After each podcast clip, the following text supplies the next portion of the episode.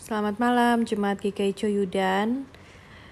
Kita sudah menjalani hari Senin di bulan yang baru ini dan tentunya dipimpin oleh Roh Kudus dan oleh karena itu kita akan menutup hari ini juga dengan tetap mengingat pesan firman Tuhan. Oleh karena itu mari kita bersama-sama uh, mendengarkan dan merenungkan firman Tuhan yang akan kita awali dengan doa. Mari kita berdoa. Ya Kristus Tuhan kami, terima kasih untuk penyertaan-Mu sepanjang hari ini.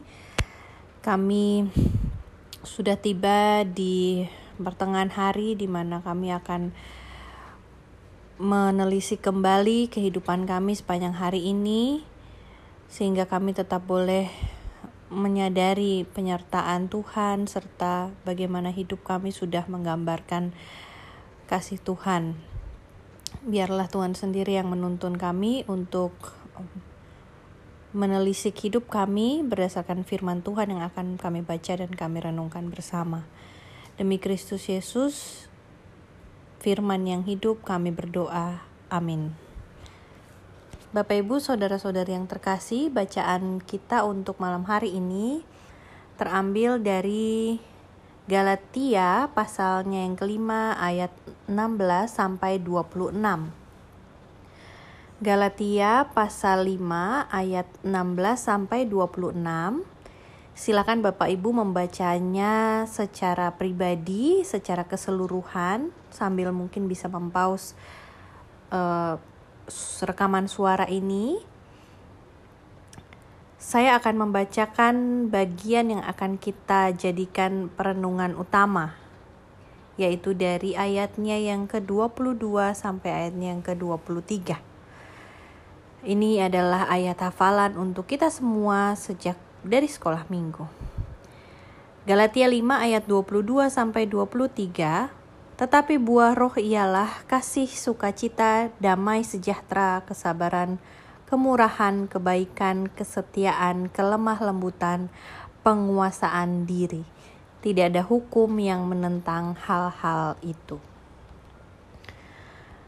Tentu kita sudah hafal di luar kepala Bapak Ibu sembilan boroh yang ada dalam bacaan kita tadi. Sembilan buah roh ini sangat terkait dengan renungan kita tadi pagi tentang buah anggur yang manis.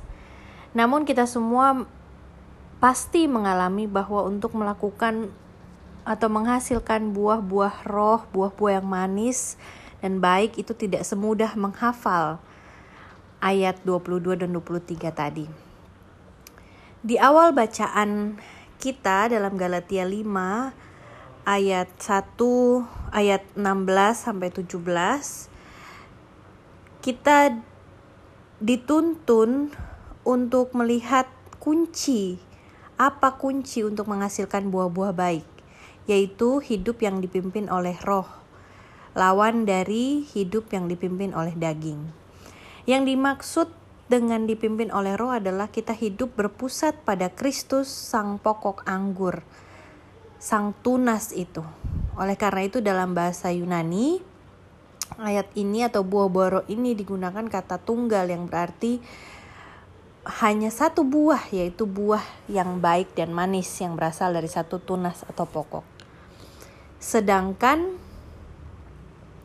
lawan dari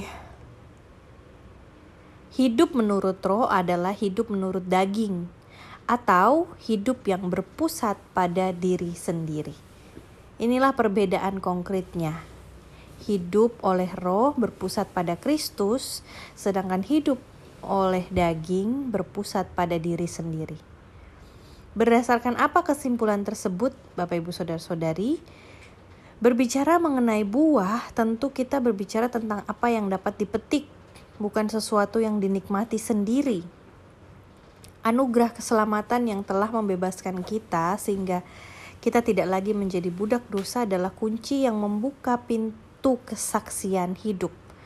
Hidup kita harusnya mengekspresikan rasa syukur atas anugerah dan karya Tuhan yang telah kita terima melalui hidup yang berbuah manis. Selain ekspresif, hidup yang dipimpin oleh roh juga impresif, menarik perhatian, dan bahkan mungkin eksentrik, lain daripada yang lain. Jika kita amati, ini adalah gaya hidup Yesus, ekspresif, meluap-luap, impresif, menarik perhatian, dan eksentrik, lain daripada yang lain.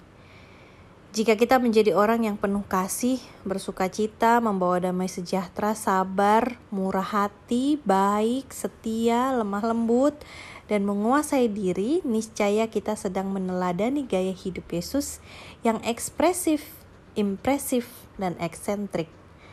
Bukan untuk kepuasan diri kita, bukan untuk mendapat pujian, bukan untuk menyombongkan diri, tetapi untuk membawa sesama kita, orang-orang di sekeliling kita melihat, mengenal, mendengar Kristus.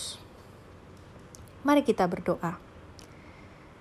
Dalam seluruh keberadaan kami, ya Allah, biarlah kami selalu mengingat bahwa hidup kami adalah tentang Engkau. Apa yang kami lakukan adalah memberitakan Engkau.